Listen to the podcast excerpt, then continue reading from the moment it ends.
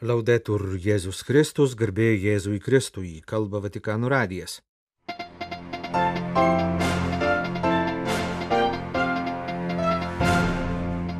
Prieš pat pasaulio jaunimo dienas Lisabonoje vyko konferencija apie popiežiaus pranciškaus encikliką Laudato Si. Vatikane ir Italijoje rengiamasi paminėti popiežiaus Šventojo Pijaus X išrinkimo 120-asias metinės. Toliau mūsų laidoje kardinolas Viljamas Eikas apie bažnyčios Olandijoje liudytojus ir kankinius.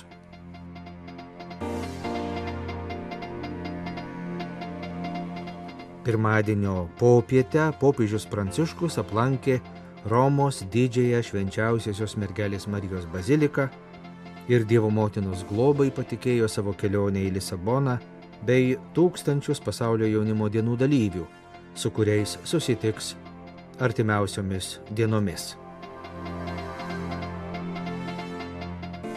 Prieš pat pasaulio jaunimo dienų Lisabonoje pradžią Portugalijos katalikų universitete vyko ketvirtoji tarptautinė rūpinimosi kūrinyje konferencija.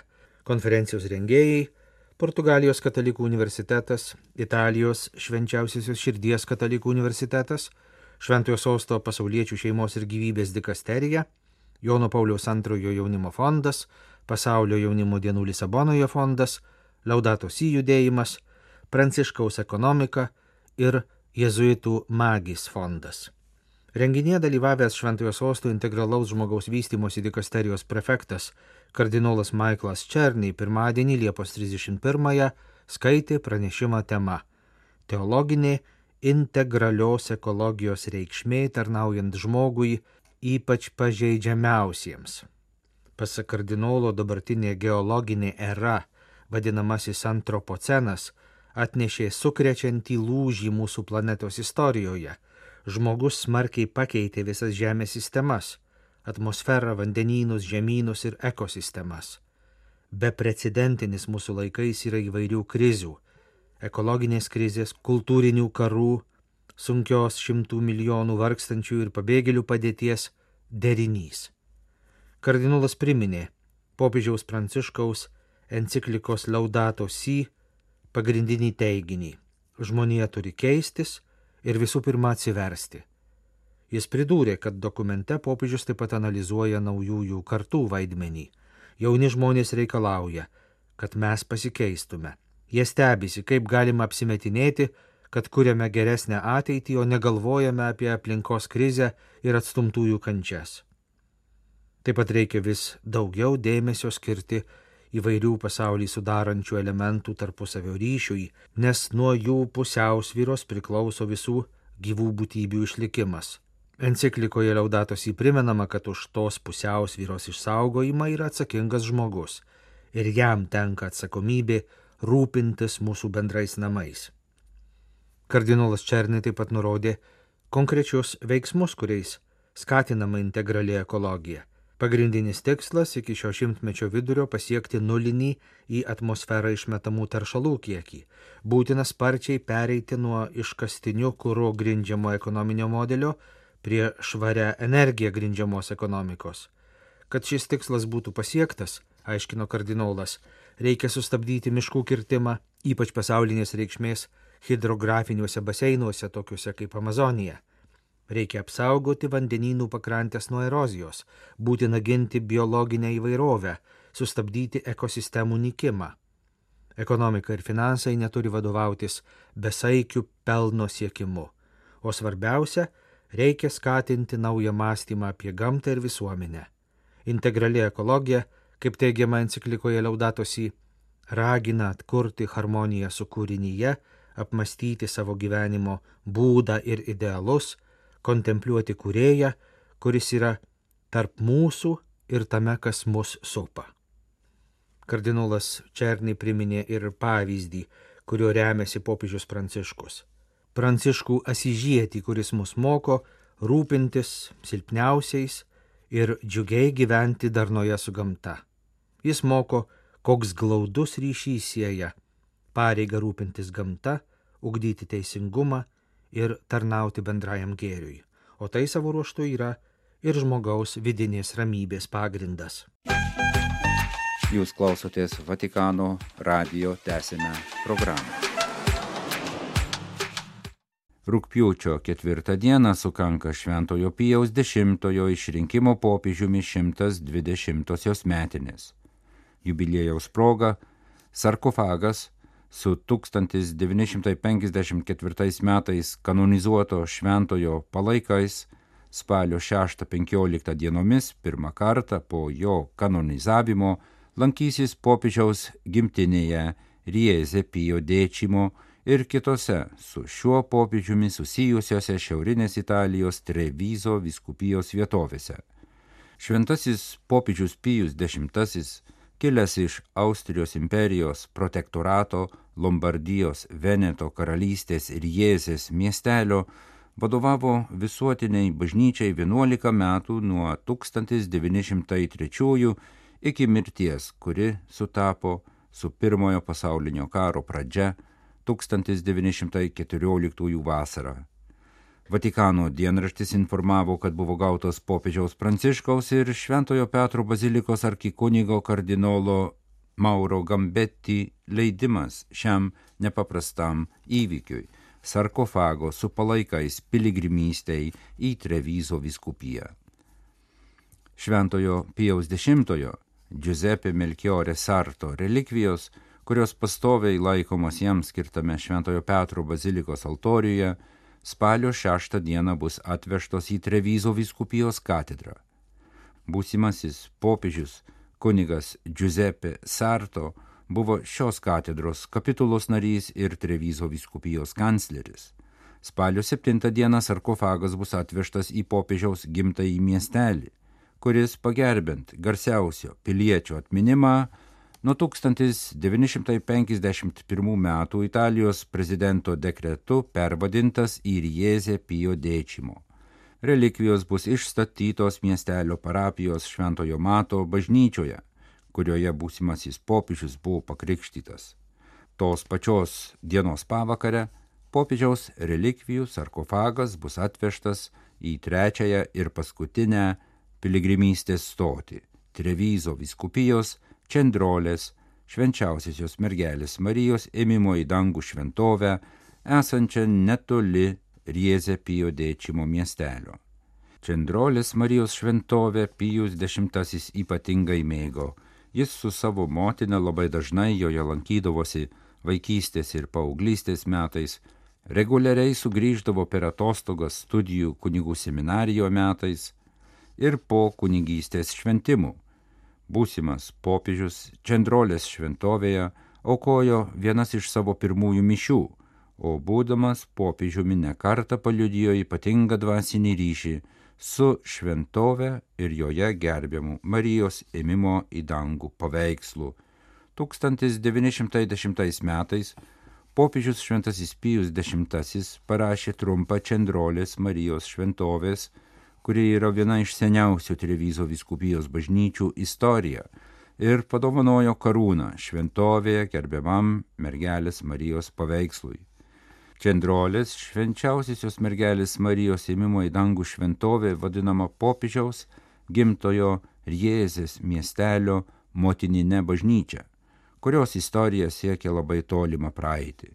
Šventovė pastatyta buvusios antikos pagonių šventyklos ar kapinių vietoje XVI amžiuje Čendrolis gyventojams galutinai persikėlus į Riezės nausėdiją, kartu į Riezės parapijos bažnyčią buvo perkelta ir Čendrolis bažnyčios krikštykla. Su šventojo Giuseppe Milkiore Sarto popiežiaus šventojo Pijaus X relikvijomis bus išstatytas Čendrolės švenčiausiosios mergelės Marijos šventovėje tikinčiųjų pagerbimui nuo spalio 8 iki 14 dienos. Spalio 15 dieną relikvijos bus parvežtos į Romą.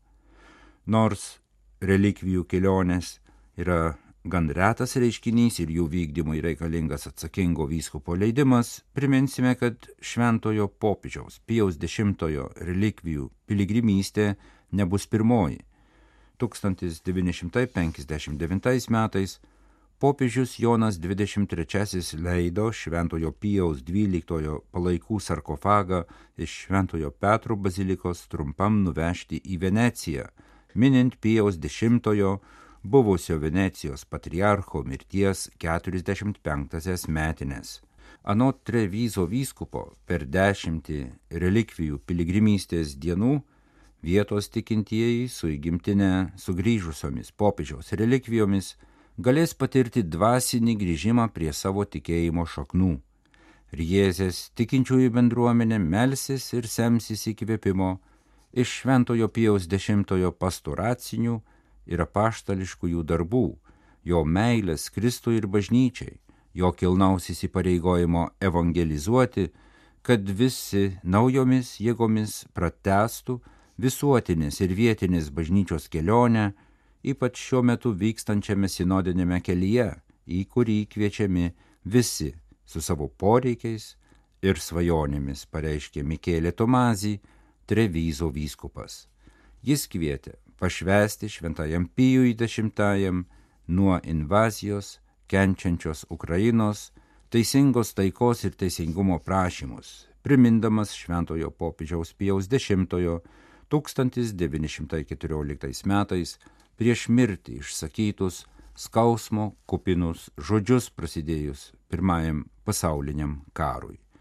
Nors beveik visos Europos tautos įtrauktos į pražutingiausio karo sūkurį, apie kurio pavojų, žudynės ir pasiekmes niekas negali pagalvoti, nejausdamas skausmo ir baimės, taip pat mes negalime nesijaudinti, jausdami, kaip siela drasko patys skaudžiausi skausmai dėl daugybės žmonių ir daugelio mums nepaprastai brangių tautų sveikatos ir gyvybės.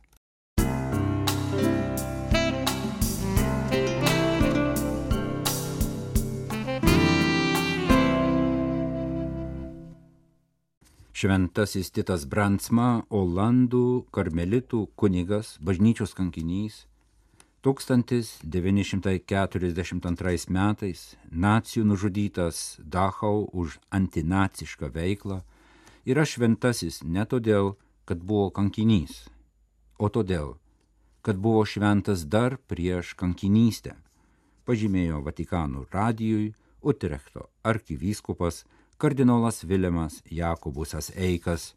Jis papasakojo apie dvi bažnyčios Olandijoje įžymės asmenybės, susėdamas jas su popiežiaus įsteigta komisija dėl bažnyčios naujųjų laikų kankinių ir liudytojų sąrašo sudarimo jubiliejinių 2025 šventųjų metų proga.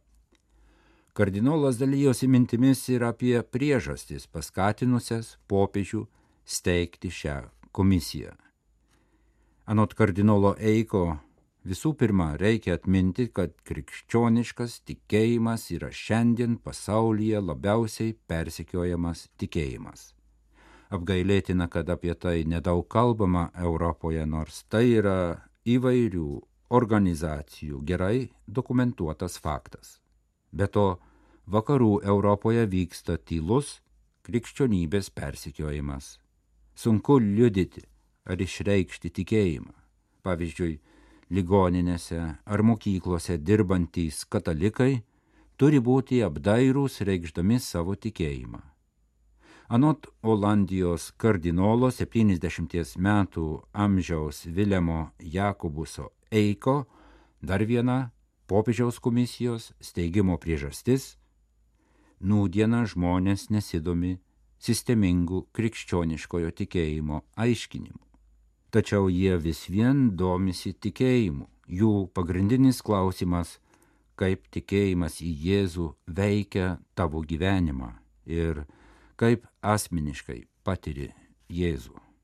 Todėl asmenų biografijos sako daugiau nei sisteminis tikėjimo aiškinimas. Žmonės mėgsta žiūrėti filmus ir skaityti knygas apie herojus.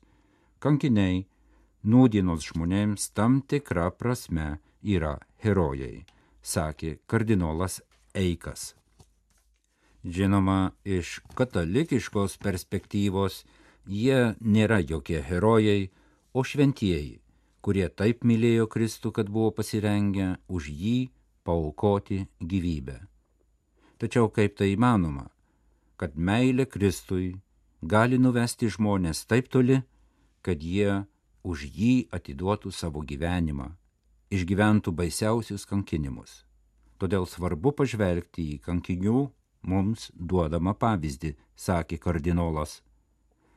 Paminėjęs garsųjį karmelitų kankinį ir šventąjį tėvą Titą Bransmą, kurį nacijai nužudė todėl, kad jis atsisakė spausdinti nacijų propagandą, pasisakė prieš nacijus ir priešinosi antižydiškiems įstatymams, kardinolas Vilimas Jakobusas Eikas pasidalijo mintimis ir apie jo pastoracijai reikšmingą jo pirmtako Utrechto arkivyskupijoje kardinolo Johanneso de Jongo kankinystės pavyzdį. Utrechto arkivyskupas Johannesas de Jongas buvo geras žmogus, nebuvo herojus, bet juo tapo per antrąjį pasaulinį karą, sakė jo įpėdinis kardinolas Eikas. Jis buvo drasus ganytojas, kartu su protestantų pastoriumi parengdavo tekstus, kurie vietoj homilijos buvo skaitomi protestantų ir katalikų bažnyčiose. Jis žinojo, kad nacijai jo nesuims už tai, nes anuomet bažnyčia Olandijoje buvo labai skaitlinga ir įtakinga. Bet keršys persiekiodami kitus. Tuose tekstuose buvo sakoma, kad nacistinė ideologija nesuderinama su krikščionybė. Juose buvo protestuojama prieš žydų deportavimą po iš sakyklos perskaitytos žinios buvo suimtos šventoji Edita Štein, Europos globėja ir jos sesuo Rožė. Jos buvo išvežtos į koncentracijos stovyklą Olandijoje, vėliau perkeltos į Dachau, kur mirė dujų kameroje. Kiti buvo baudžiami už arkivyskupo Johanneso de Jongo parengtus ir jo prašymų kitų kunigų viešai perskaitytus tekstus. Popiežius Pijus XII labai gerbė arkivyskupą, todėl 1946 metais jį paskyrė kardinolu. Prieš metus Jadvašimo holokausto memorialas kardinolą Johannesą de Jongą pripažino tautų teisuoliu. Todėl labai didžiuojosi šiuo savo pirmtaku pažymėjo dabartinis Utrechto arkivyskupas kardinolas Vilimas Jakobusas Eikas. Man jis yra labai didelis pavyzdys, kaip išreikšti krikščionišką tikėjimą ir su juo susijusius probleminius reikalus. Man jis yra naujųjų laikų kankinio pavyzdys. Jis sakė tiesą, kad nacijų ideologija nesuderinama su krikščioniškojų tikėjimu bet tai sakyti buvo labai pavojinga ir daugelis nuo to nukentėjo, nes kiti buvo baudžiami už tai, ką darė arkivyskupas Johannesas de Jongas.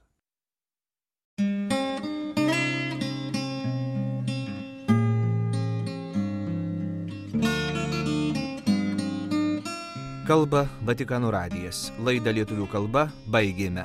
Garbėjai Jėzui Kristui, laudetur Jėzus Kristus.